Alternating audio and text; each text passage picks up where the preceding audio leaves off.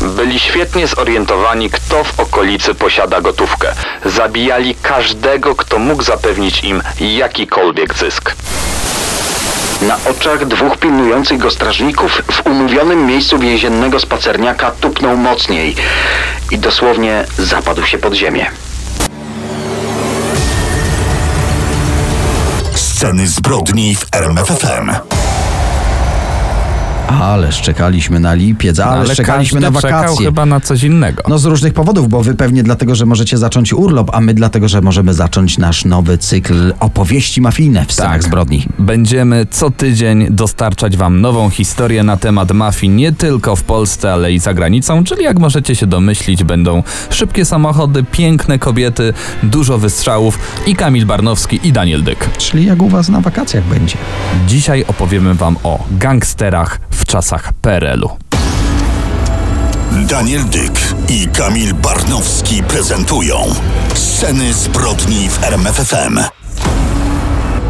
Jeśli do tej pory nie mieliście okazji zetknąć się z tym cyklem, to może dobrze, bo, bo, bo zaczynamy jakby nową jego odsłonę, odsłonę pod hasłem opowieści mafijne. I w długi czerwcowy weekend trochę chcieliśmy wybadać, jak Wam się ten temat spodoba. Były przychylne komentarze, pytania, no może chłopaki jeszcze, dlatego w wakacje rozwiniemy ten temat. Temat mafii. No właśnie, nasz program mówił o początkach mafii w Polsce, czyli lata 90., głównie Pruszków, Wołomin, ale dzisiaj, no jeszcze wcześniejsze początki. Początki początków. Bo przecież przestępczość zorganizowana istniała już za PRL-u, chociaż w Polsce Ludowej nikt nie dopuściłby, aby w, w opinii publicznej funkcjonowało takie straszne słowo jak mafia i jeszcze mafia polska.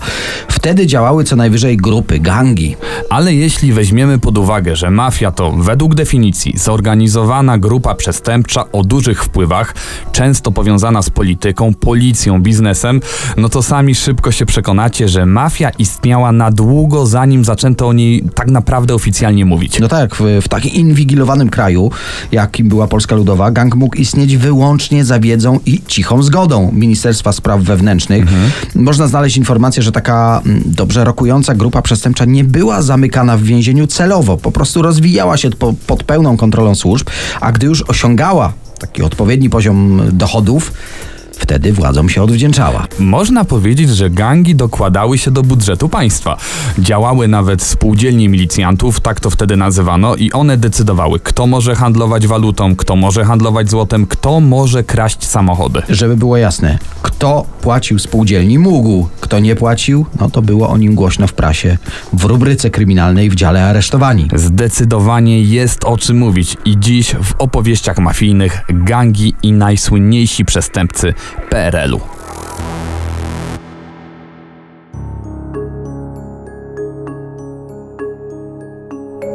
Piękne jeziora, mnóstwo zieleni, raj dla kajakarzy, duma Podlasia. Kojarzysz już o jakie miejsce chodzi? Szczerze to nie do końca. No ale to dobra, mam ostatnią podpowiedź. Augustowskie noce nad brzegami drzemiące. A, no to już wszystko jasne. Maria Koterbska, czyli wspaniały Augustów. Po jednej nutce rozpoznałeś. No, Augustów to miejscowość typowo wypoczynkowa, tętni życiem, zwłaszcza w wakacje. No i pewnie wielu naszych słuchaczy teraz wypoczywa nad jeziorami. Pozdrawiamy Was bardzo serdecznie. Cieszymy się, Oczywiście. że na tych spokojnych falach możemy się z Wami bujać. Yy, Ale dzisiaj opowiadamy Wam historię osób, które, no jakby to powiedzieć, wypoczynek turystów nie był dla nich najważniejszy. Tak, przejdźmy do konkretów. Na początku lat 70. w Augustowie bardzo popularne były dwa lokale.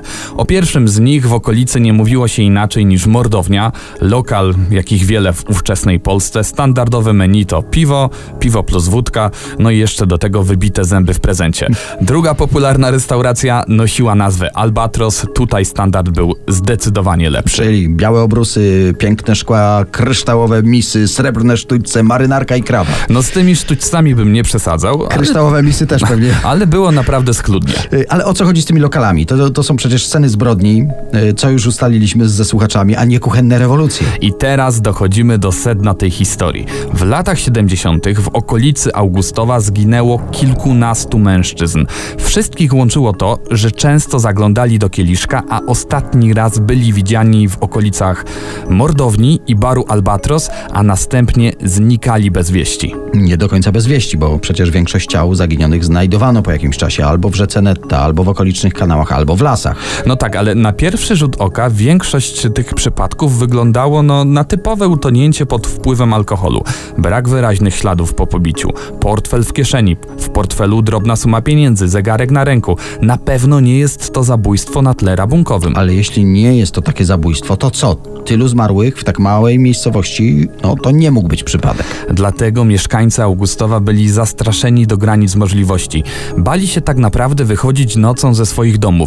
Oskarżali organy ścigania, że chronią zbrodniarzy. Według innej wersji sami mieli brać udział w tych morderstwach. Milicja natomiast zupełnie nie łączyła tych przypadków. Yy, Bagatelizowała sprawę, zajmowała się poważniejszymi rzeczami, które, które miała na głowie.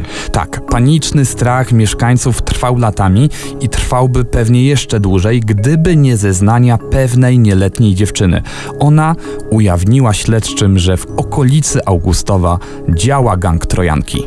Czy to faktycznie ten gang jest odpowiedzialny za wszystkie morderstwa w okolicy? O tym już za moment. W tym świecie rządzi strach i pieniądze. Opowieści mafijne. Wracamy do sprawy grupy Trojanki. Wracamy do pani Jany Sadowskiej. To bardzo ważna postać w tej całej historii. Między innymi dzięki jej zeznaniom z 73 roku milicjanci natrafili na gang Trojanki. Kobieta przekazała śledczym informację, że za sprawą martwych mężczyzn, którzy co jakiś czas wypływają z rzeki Netta, stoi jej kuzynka Wiesława Trojan. No i to właśnie od tego nazwiska pochodzi nazwa grupy, grupa Trojanki, gang Trojanki. Według innej wersji milicja sama zdobyła materiały obciążające Wiesławę Trojan. Mógł to być jakiś donos obywatelski, jakiś anonim, których nie brakowało, albo meldunek tajnego agenta Służby Bezpieczeństwa. Pamiętajmy, że wtedy w społeczeństwie było ich całkiem sporo. Ostatecznie Wiesława Trojan została aresztowana i dzięki jej zeznaniom dowiedzieliśmy się, jak funkcjonowała ta niezwykle brutalna grupa. No to przedstawmy, jak to wyglądało. Szefem gangu był Jan Dąbrowski, wyrzucony z wojska za znęcanie się nad młodszymi żołnierzami, dobrze znany milicji, w przeszłości odsiadywał wyrok za przemoc domową i mimo niewielkich gabarytów był bardzo silny, nokautował przeciwników jednym ciosem. Dodajmy też, że był wujkiem Wiesławy Trojan. Znalazłem również informację, że jeden ze świadków w trakcie procesu nazwał go po prostu czarnym szatanem. Prawą ręką Dąbrowskiego był Jan Wołyniec, narzeczony Wiesławy Trojan, notowany, alkoholik od 12 roku życia. Jeszcze mniejszą rolę w grupie pełniła Alicja Czajewska, która później zdecydowała się zeznawać i był jeszcze Jan Benicki. Możecie łatwo zauważyć, że członkami gangu byli ludzie z marginesu społeczeństwa, bezrobotni alkoholicy, o tym wspomnieliśmy, awanturnicy z tendencjami sadystycznymi. E, Dodajmy jeszcze, że niezbyt inteligentni. E, Byli to ludzie bez przesadnej finezji i właśnie w taki sposób, bardzo prosty, niestety bardzo skuteczny działali. Ich typowe morderstwo wyglądało następująco. Dąbrowski i Wołyniec wyszukiwał w Albatrosie albo w mordowni jakiegoś nietutejszego, albo tutejszego, poznawał go przywódcę, wzbudzał zaufanie, następnie zazwyczaj wychodzili z nowym kumplem z lokalu i tam, w dogodnym miejscu, katowali go cegłami albo gołymi pięściami. Po wszystkim okradali go z pieniędzy albo z innych drogocennych rzeczy, ale zawsze w portfelu zostawiali część tej kwoty, a na koniec najczęściej wyrzucali ciało do rzeki. Wspomnieliśmy, że ludzie niezbyt inteligentni, ale ten sposób był niezwykle sprytny. Wszystko wyglądało bardziej na nieszczęśliwy wypadek niż na morderstwo. Właśnie w taki sposób chcieli zmylić milicjantów. Jak się później okazało, była to idealna zagrywka z ich strony. Czajewska i Trojan y, były też często wabikami na mężczyzn. Dąbrowski proponował przyszłym ofiarom usługi seksualne właśnie tych pań. Gdy ktoś dał się skusić, gdy zawędrował y, do lasu, no zazwyczaj nie wracał już żywy. Podkreślamy to, zabijali tylko i wyłącznie dla pieniędzy.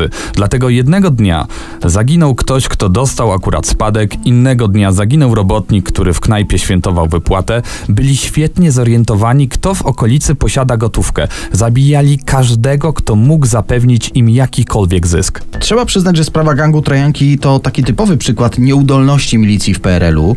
Najlepiej pokazuje to przypadek Mariana Lewandowskiego. On w sierpniu 1970 roku został znaleziony na kartoflisku, nieprzytomny, z wysoką gorączką, wewnętrzne urazy głowy, brzucha. Jak później się okazało, Lewandowski leżał w takim stanie przez prawie 6 dni. Oczywiście był pobity i zmasakrowany przez grupę Trojanki. Przeżył tylko i wyłącznie dlatego, że w tym okresie padały ulewne deszcze, dzięki temu nie odwodnił się na śmierć. Inna sprawa, że był no totalnie pijany, dzięki temu był w stanie znieść poważne urazy wewnętrzne. No, trzeba powiedzieć prawdziwy cud. Mężczyzna przez ponad miesiąc był w szpitalu, był nieprzytomny i gdy w końcu odzyskał świadomość, powiedział śledczym, że ostatnią rzeczą, jaką pamięta, to spora suma pieniędzy, jaką miał przy sobie, bo akurat tego dnia chciał kupić motocykl. Członkowie gangu Trojanki szybko dowiedzieli się, że Lewandowski przeżył. Obawiając się, że zacznie zeznawać przeciwko nim, wielokrotnie odwiedzali go w szpitalu. Tam prawdopodobnie go zastraszali albo go przekupili. E, Ostatecznie w każdym razie Lewandowski odmówił składania zeznań. Swojej rodzinie miał później powiedzieć, że zdrowia już mu nikt nie przywróci, natomiast gang Trojanki może jego stan skutecznie pogorszyć. I tutaj pojawia się pytanie, jakim cudem milicjanci nie zainteresowali się faktem, że poszkodowanego tak często odwiedzają jacyś całkowicie mu obcy ludzie. Wystarczyło minimum wyobraźni albo najprostsza książka kryminalna, żeby zapobiec kolejnym tragediom. I mimo licznych tropów, śledczy byli całkowicie ślepi na tę sprawę. Później na światło dzienne wyszedł fakt, że Jan Wołyniec był w Ormo. Niektórzy właśnie tak próbowali tłumaczyć, że przez to był nietykalny, ale najprawdopodobniej to zwykły zbieg okoliczności. Żeby było jasne, ORMO to Ochotnicza Rezerwa Milicji Obywatelskiej. E, Nie wszyscy nasi słuchacze mogą pamiętać jeszcze ten skrót. W każdym razie, po zatrzymaniu piątki z gangu Trojanki, członkowie zaczęli składać zupełnie sprzeczne zeznania. No ale jak się okazało, taka właśnie była ich umowa, że jeśli ktoś zostanie zatrzymany, będą robili absolutnie wszystko, by przedłużać śledztwo w nieskończoność, a prawdę będą mówili wyłącznie w ostateczności. No i właśnie dlatego śledztwo trwało prawie 4 lata. Tak naprawdę ten proces był możliwy dzięki zeznaniom Wiesławy Trojan i Alicji Czajewskiej.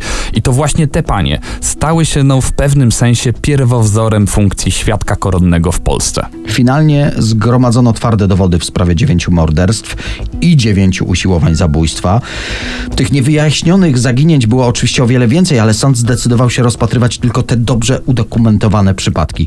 Jan Dąbrowski i Jan Wołyniec zostali skazani na karę śmierci. Wiesława Trojan i Alicja Czajewska na odpowiednio 25 i 15 lat więzienia, ale gdyby nie współpraca Wiesławy Trojan, zostałaby najprawdopodobniej skazana na karę śmierci, a wyroki tych szefów gangu wykonano we wrześniu 1979 roku. Jan Dąbrowski, gdy usłyszał swój wyrok, e, miał tylko dopytać.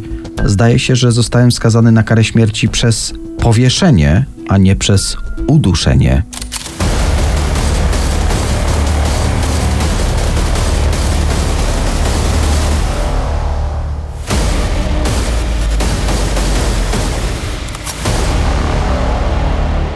Teraz historia, która udowadnia, że grając ze znajomymi w karty, można czasami wpaść na niekoniecznie rozsądny pomysł, tak to powiedzmy. Czas na jeden z największych skoków PRL-u napad na bank w Wołowie. Wspomniałeś o kartach, no bo właśnie grając w karty, nie wiem czy to był poker, czy... W pana może grali. Tak, albo Makao. W każdym razie piątka znajomych wpadła na pomysł napadu na bank. Ktoś rzucił tak pewnie lekko podpity, ktoś podchwycił.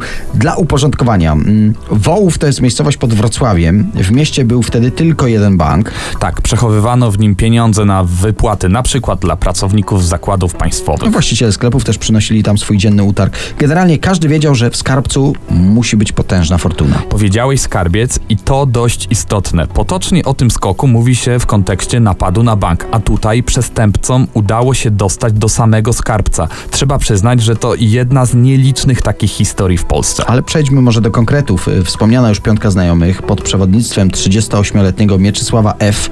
postanowiła opracować dokładny plan działania. Do udziału w skoku potrzebowali osobę nieznaną w mieście, której nie rozpozna żaden strażnik w banku. Wybór padł na 25-letniego Mikołaja K. Ale do swojego planu potrzebowali jeszcze kogoś. Najlepiej kogoś, kto bardzo dobrze zna miejsce przyszłego skoku. I udało im się zwerbować, no nie byle kogo, samego skarbnika banku Rudolfa D. Do napadu doszło 19 sierpnia 1962 roku. Warto dodać, że pierwotna data była zaplanowana na 11 sierpnia. Rabusie chcieli wejść do banku po prostu w sobotę wieczorem, gdy spora część mieszkańców okolicznych, jakby to powiedzieć, no jest już lekko znieczulona. No, zrelaksowana. Zrelaksowana, to, tak. Typowa, typowy relaks y, Polski Ludowej. Ale y, zawsze wtedy były jakieś przeciwności, dlatego do skoku ostatecznie doszło tydzień później i to nie w sobotę, a w niedzielę. I opowiedzmy, jak to wyglądało. Mikołaj K. w towarzystwie kompana wszedł do piwnicy banku. Tam zastawił pułapkę na strażnika. Pracownik banku, widząc dwóch napastników, nie próbował nawet walczyć i został szybko związany. Pozostali złodzieje zajęli się wykuciem dziury w suficie z piwnicy do skarbca. Zajęło im to ponad dwie godziny. Ale dodajmy, że wykorzystali po prostu najprostsze, najbardziej dostępne narzędzia. Właściwie każdy wtedy je miał w garażu. Gdy w końcu dostali się do wymarzonego skarbca, rozpruli safe, wyczyścili go do zera i odjechali Warszawą. A jaką kwotę skradziono? No najlepiej wie to pani Janina Kardas, kasjerka okradzionego banku. To było 12 milionów 531 tysięcy. Wszystko było wyczyszczone dokładnie, oprócz bilonu. Bilon tylko został. W jednej z kas były klucze od drugiej. Także jak się jedno zamykało, później się wybierało i następne otwierało. I oni właśnie tam rozwalili, gdzie klucze byli, ale to chyba byłoby bardziej podejrzane już, że wiedzieli jak otworzyć. Sprawą zainteresowały się oczywiście wszystkie gazety. Tak wielkiej sumy nigdy wcześniej nie skradziono. Przypomnijmy, 12,5 miliona złotych w czasach, gdy standardowa pensja wynosiła 2000 złotych. No proporcje takie jak teraz. Można rzeczywiście tak powiedzieć. W śledztwo zaangażowano najlepszych śledczych z całego kraju. Początkowo uważano, że napad został zorganizowany przez jakiś międzynarodowy gang. Przecież z takim rozmachem, z takim doskonałym planem został przeprowadzony. I właśnie pewnie zastanawiacie się, co z tymi pieniędzmi. One zostały podzielone pomiędzy wspólników, każdy ukrył je bardzo starannie, ale spora część łupu to pieniądze o nowych nominałach. Dlatego kilku z rabusiów postanowiło je spalić, ale nie zrobili tego wszyscy i między innymi dlatego zostali schwytani, ale do tego wrócimy. Tak, numery seryjne nowych banknotów o tych najwyższych nominałach, czyli popularne 500, te numery zostały przekazane do sklepów praktycznie w całej Polsce. Jeśli jakiś klient zapłacił banknotem, którego numer jest na tej milicyjnej liście, sklepu musiał koniecznie poinformować funkcjonariuszy. I chociaż początkowo przestępcy wydawali tylko stare, używane banknoty o nieznanych numerach seryjnych, te w końcu no, musiały się skończyć. I tak sześć tygodni po napadzie żona Mieczysława F., dodajmy, Mieczysław F. organizował ten cały napad, próbowała zapłacić za narzutę poszukiwanymi nominałami. Zresztą podobnie robiły partnerki innych rabusiów. Na przykład 500 płaciły za zakupy w Opolu, Gliwicach, a siostra jednego ze złodziei próbowała nawet wpłacić skradzione banknoty do banku w Pruszczu Gdańskim. No, tego sprytni rabusie jednak chyba nie przewidzieli. Policjanci po zgłoszeniach od właścicieli sklepów szybko złapali złodziei odpowiedzialnych za napad stulecia, jak wtedy grzmiały media, ale najbardziej zszokował ich fakt, że wszyscy zaangażowani w ten skok nie byli wcześniej karani. No więcej, byli porządnymi obywatelami, często przedsiębiorcami, właścicielami sklepów, mężczyznami, którzy dbają o swoją rodzinę. W grudniu 1962 roku rozpoczął się proces milionerów z Wołowa, jak ich nazywała prasa. Policjanci odzyskali praktycznie całą skradzioną gotówkę i to zaskakujące, brakowało tylko miliona. Yy, To ciekawe, większość właśnie z tego miliona spalono. Popiół rozsypano po polach. I tutaj ciekawe, jakie plony są po takim drogim nawozie. No jak to sałata. Sałata tak.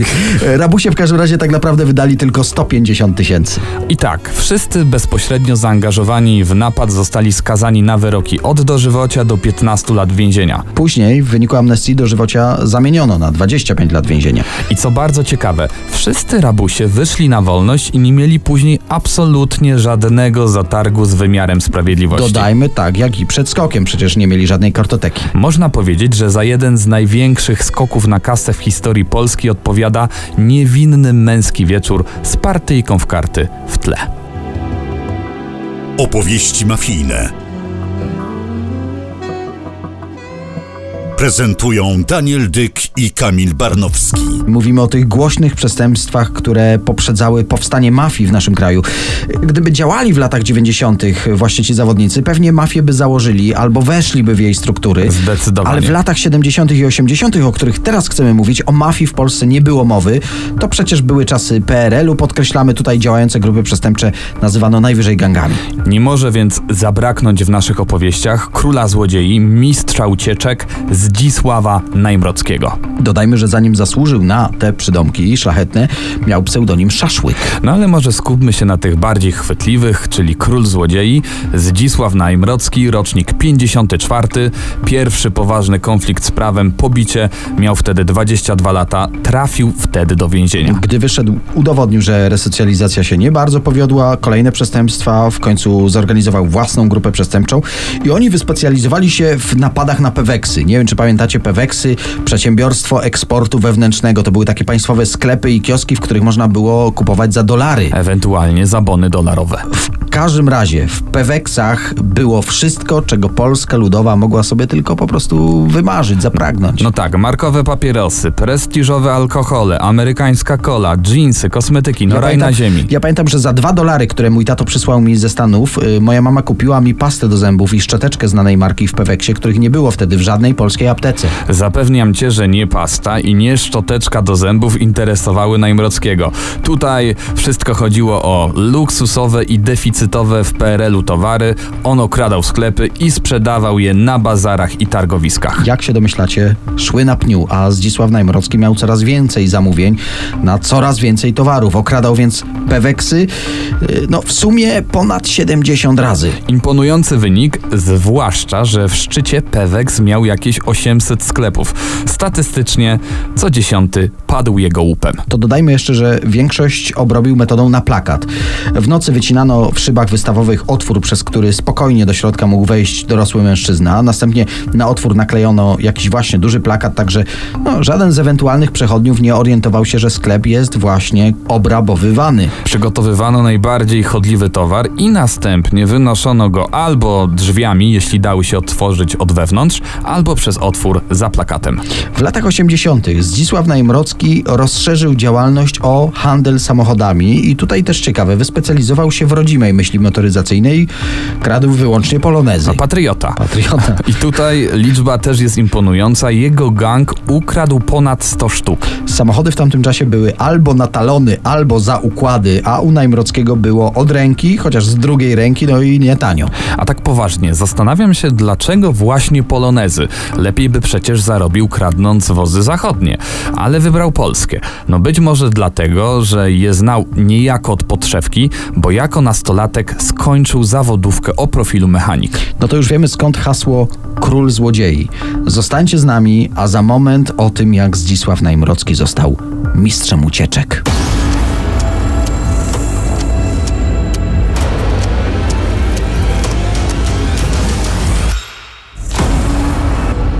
Zdzisław Najmrocki był najsłynniejszą postacią przestępczego świata PRL-u. Nie wiem, czy to dostatecznie mocno podkreślaliśmy. No prawdziwy celebryta kryminalny i tutaj nie ma słowa przesady. Pisały o nim gazety, mówiono w dzienniku telewizyjnym. Zdarzało się nawet, że przypadkowi ludzie prosili go o autograf. Już wspomnieliśmy, że jako złodziej wyspecjalizował się w peweksach i polonezach, ale właśnie taką prawdziwą sławę medialną przyniosły mu ucieczki.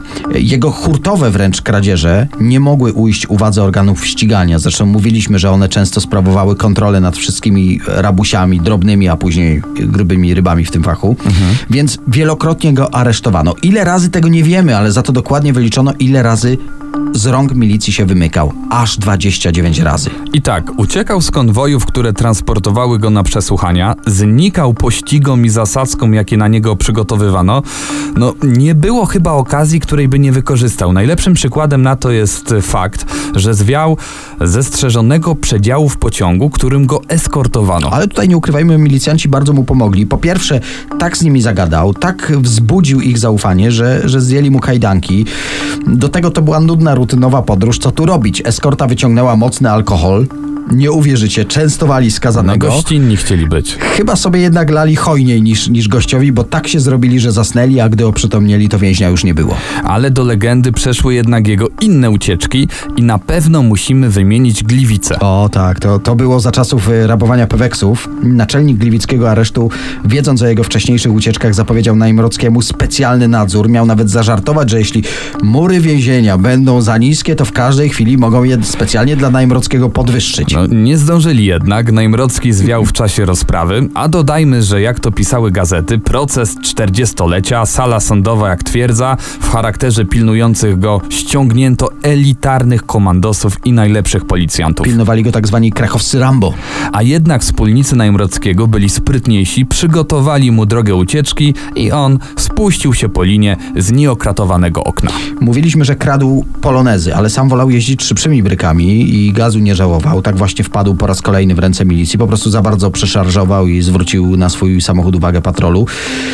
Aresztowany, no tym razem postanowił uciec, y, ogłuszając strażnika, otworzył kajdanki wkładem do długopisu, przebrał się w mundur tego strażnika i jakby nigdy nic, przez nikogo nie zatrzymywany, wyszedł sobie z zakrat.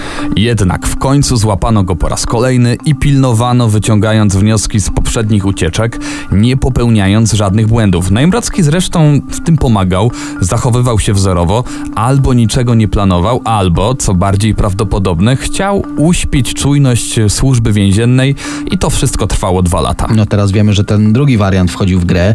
Okazało się, że w tym czasie jego mama Sabina wraz z dawnym wspólnikiem przygotowywali podkop. I tak 3 września 1989 roku najbardziej znany przestępca PRL-u w czasie spaceru dosłownie zapadł się pod ziemią. Na oczach dwóch pilnujących go strażników w umówionym miejscu więziennego spacerniaka tupnął mocniej nogą, ziemia się osunęła, a skazany wpadł do przygotowanego okopu, nim później przedostał się do piwnicy pobliskiej szkoły. Zresztą ten motyw wykorzystał Juliusz Machulski w swoim filmie VIP. To nie była fikcja. Stety czy niestety, to była ostatnia spektakularna ucieczka Najmrockiego, ale kolejnego wyroku też nie odsiedział w całości. Tak, bo po kilku tygodniach od ucieczki znów został ujęty, tym razem kilka lat od siatki.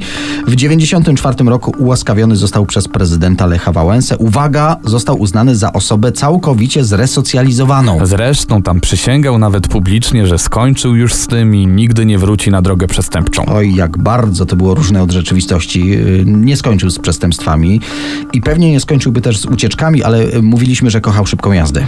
Zgadza się. Niecały rok po ułaskawieniu zginął w wypadku samochodowym na drodze koło Mławy. Duża prędkość, poślizg i jego BMW zderzyło się czołowo z ciężarówką. Zginęli wówczas także jadący z nim dwaj chłopcy, 12-letni Marcin yy, i 14-letni Tomasz. To byli synowie jego przyjaciela. Początkowo policja nawet nie wiedziała, że to jest ten słynny Najmrocki, bo znaleziono przy nim dokumenty na nazwisko panieńskiej jego mamy. Do tego okazało się, że ten samochód był kradziony, a tablice rejestracyjne były fałszywe. Trzeba przyznać, zginął tak jak żył, brawurowo i na krawędzi. I na koniec chcielibyśmy jeszcze bardziej cofnąć się w czasie do II Rzeczpospolitej. I do być może pierwszej polskiej mafii, choć tak jej wtedy podkreślamy, nie nazywano. Najsłynniejszymi gangsterami byli wtedy Tata Tasiemka i doktor Łokietek. Jak to brzmi? Tata Tasiemka to tak naprawdę Łukasz Siemiatkowski, przestępca z warszawskiej Woli, choć w akcie urodzenia jest Milanówek i rok 1876. Mówisz przestępca, ale zanim nim został, był znanym działaczem Polskiej Partii Socjalistycznej, był radnym warszawskim. I właśnie działając w PPS-ie przyjął pseudonim Tasiemka, najprawdopodobniej wiąże się to z faktem, że jako 17-latek zaczął pracę w fabryce tkackiej. Później była pierwsza wojna. E, Za udział w zamachu zorganizowanym przez pogotowie bojowe PPS został skazany na śmierć. Wyrok miał być wykonany, ale trzy dni wcześniej zakończyła się wojna. No właśnie, 11 listopada, prawda? Wszyscy mamy wtedy święto narodowe i długi weekend. W 1918 roku dla niego oznaczał po prostu życie. Został uwolniony z więzienia. Po I wojnie światowej, po odzyskaniu niepodległości, wszystko na świecie się zmieniło i zmienił się i Siemiatkowski. Choć nadal działał w strukturach PPS-u, to wtedy poznał i zaczął współpracować z innym działaczem PPS-u, Józefem Do Łokietkiem. niego wrócimy. W każdym razie w partii działał, ale przy okazji w 1928 roku założył gang liczący 14 osób. Tasiemka rozpoczął wtedy działalność, która posłuchajcie, jak, jak pasuje do schematu mafijnego. Zaczęli przejmować kontrolę nad największym targowiskiem w Warszawie, czyli Wymuszali od handlarzy opłaty za ochronę, brali też haracze od stołecznych domów schadzek, zresztą z tych domów też chętnie korzystali gratis. E, Liczne libacje, podobno wyłącznie przy drogich francuskich koniakach. No jak się bawić, to się bawić. Ja dodam jeszcze, że gang miał siedzibę w kawiarni Aleksandrówka na Woli, a tasiemkę zaczęto nazywać tatą. No jak ojciec chrzestny, wszystko wyglądało jeden do jeden jak w mafii, nawet takiej mafii włoskiej. Ostatecznie wpadli, trafili do więzienia w 1932 roku, ale tutaj akt łaski prezydenta pomógł. Tasiemkę ułaskawił wtedy prezydent Ignacy Mościcki. Wspomnieliśmy, że poznał Józefa Łokietka, czyli to Judel Dan Łokieć, e, pseudonim Rabin, rocznik 1890. Porzucił judaizm i wtedy przyjął właśnie nazwisko Łokietek. Świetnie wykształcony, studiował chemię, farmację we Francji, w Szwajcarii także. W Genewie zresztą uzyskał doktorat z chemii. Po I wojnie wrócił do Polski, pracował w MSZ-cie, był ochotnikiem w wojnie z Sowietami, organizował pomoc dla powstańców śląskich. No, kryształ, prawda? Złota karta Aż życiorysu. do 1921 roku, wtedy został komendantem milicji PPS w Warszawie. Z tą bojówką rozpędzał pierwszomajowe manifestacje komunistyczne, często z bronią palną w ręku. Naprawdę krwawo rozprawiał się z komunistami. Podobno tę bojówkę wzorował na amerykańskich gangach i trzeba przyznać, że świetnie mu się to udało. W trakcie przewrotu majowego stał na czele batalionów robotniczych, wspierając Józefa Piłsudskiego, podejrzewanego też, że zabił generała Władysława Ostoi Zagórskiego oraz że skatował słynnego pisarza Tadeusza Dołęgę Mostowicza. Brutalny, chętnie pił i hulał, jak to się wtedy mówiło, no i podejrzewano go o przywłaszczenie sobie partyjnych środków. Dodajmy jeszcze alkoholik, nadużywał morfiny, ale jego kariera mimo tego szła dalej, rozwijała się. Stanął na czele Centralnego Związku Zawodowego Pracowników Transportu Czyli Rzecznego. po prostu tragarzy. Tak, i mając pod sobą bojówkę milicji PPS-u, zaczął wymuszać od tragarzy haracz za to, że dopuszcza się ich do pracy. Kto nie płacił, był bity, a podobno i zdarzało się takich niepokornych zabijać. Nie było jednak mocnych dowodów, żeby Łokietek robił to osobiście, więc działał dalej. Szantaże, terror objęły też handlarzy, rzeźników na wspomnianym już Kercelaku. Jego ofiary uformowały własną bojówkę i często dochodziło do bitew, uwaga, w których brało udział po kilkaset osób. I wtedy też w dzienniku Głos Stolicy zaczęto publikować powieść w odcinkach opisującą bandytów stolicy i właśnie Łokietkowi poświęcono sporo miejsca. Wymuszenia, haracze, pijackie burdy, zwłaszcza w knajpie u grubego Joska na Gnojnej, tego e, znanego z piosenki Bal na Gnojnej. Ale a propos jeszcze tych piosenek, doktor Łokietek miał podobno zwyczaj pić w najlepszych lokalach i istniał zwyczaj, że orkiestra na wejściu grała mu pierwszą brygadę. Kto z gości wtedy nie wstał, dostawał od niego policzek. z jednej strony brutalny, także w domu wszyscy sąsiedzi wiedzieli, że, że bił żonę, a druga jego natura łagodna, hodował ptaszki, podobno je naprawdę kochał. Później był rok 39, druga wojna, tata Tasiemka organizował skoki na pociągi z bronią, aresztowany wraz z synem przez gestapo, ze słynnego pawiaka trafił do niemieckiego obozu koncentracyjnego na Majdanku w Lublinie i tam zmarł w 44 roku na tyfus. Jego syn miał więcej szczęścia, uciekł z transportu, gdy przewożono go z Majdanka do innego obozu. W przypadku doktora Łokietka też wszystko odmieniła druga wojna. Co prawda nadal wymuszał haracze, ale bohatersko bronił Warszawy, pomagał ludności żydowskiej, wystawiał jej fałszywe dokumenty, dostarczał żywność głodującym. Co najmniej dwukrotnie był aresztowany przez gestapo i niezwykle brutalnie torturowany na Alei Szucha, na Pawiaku także.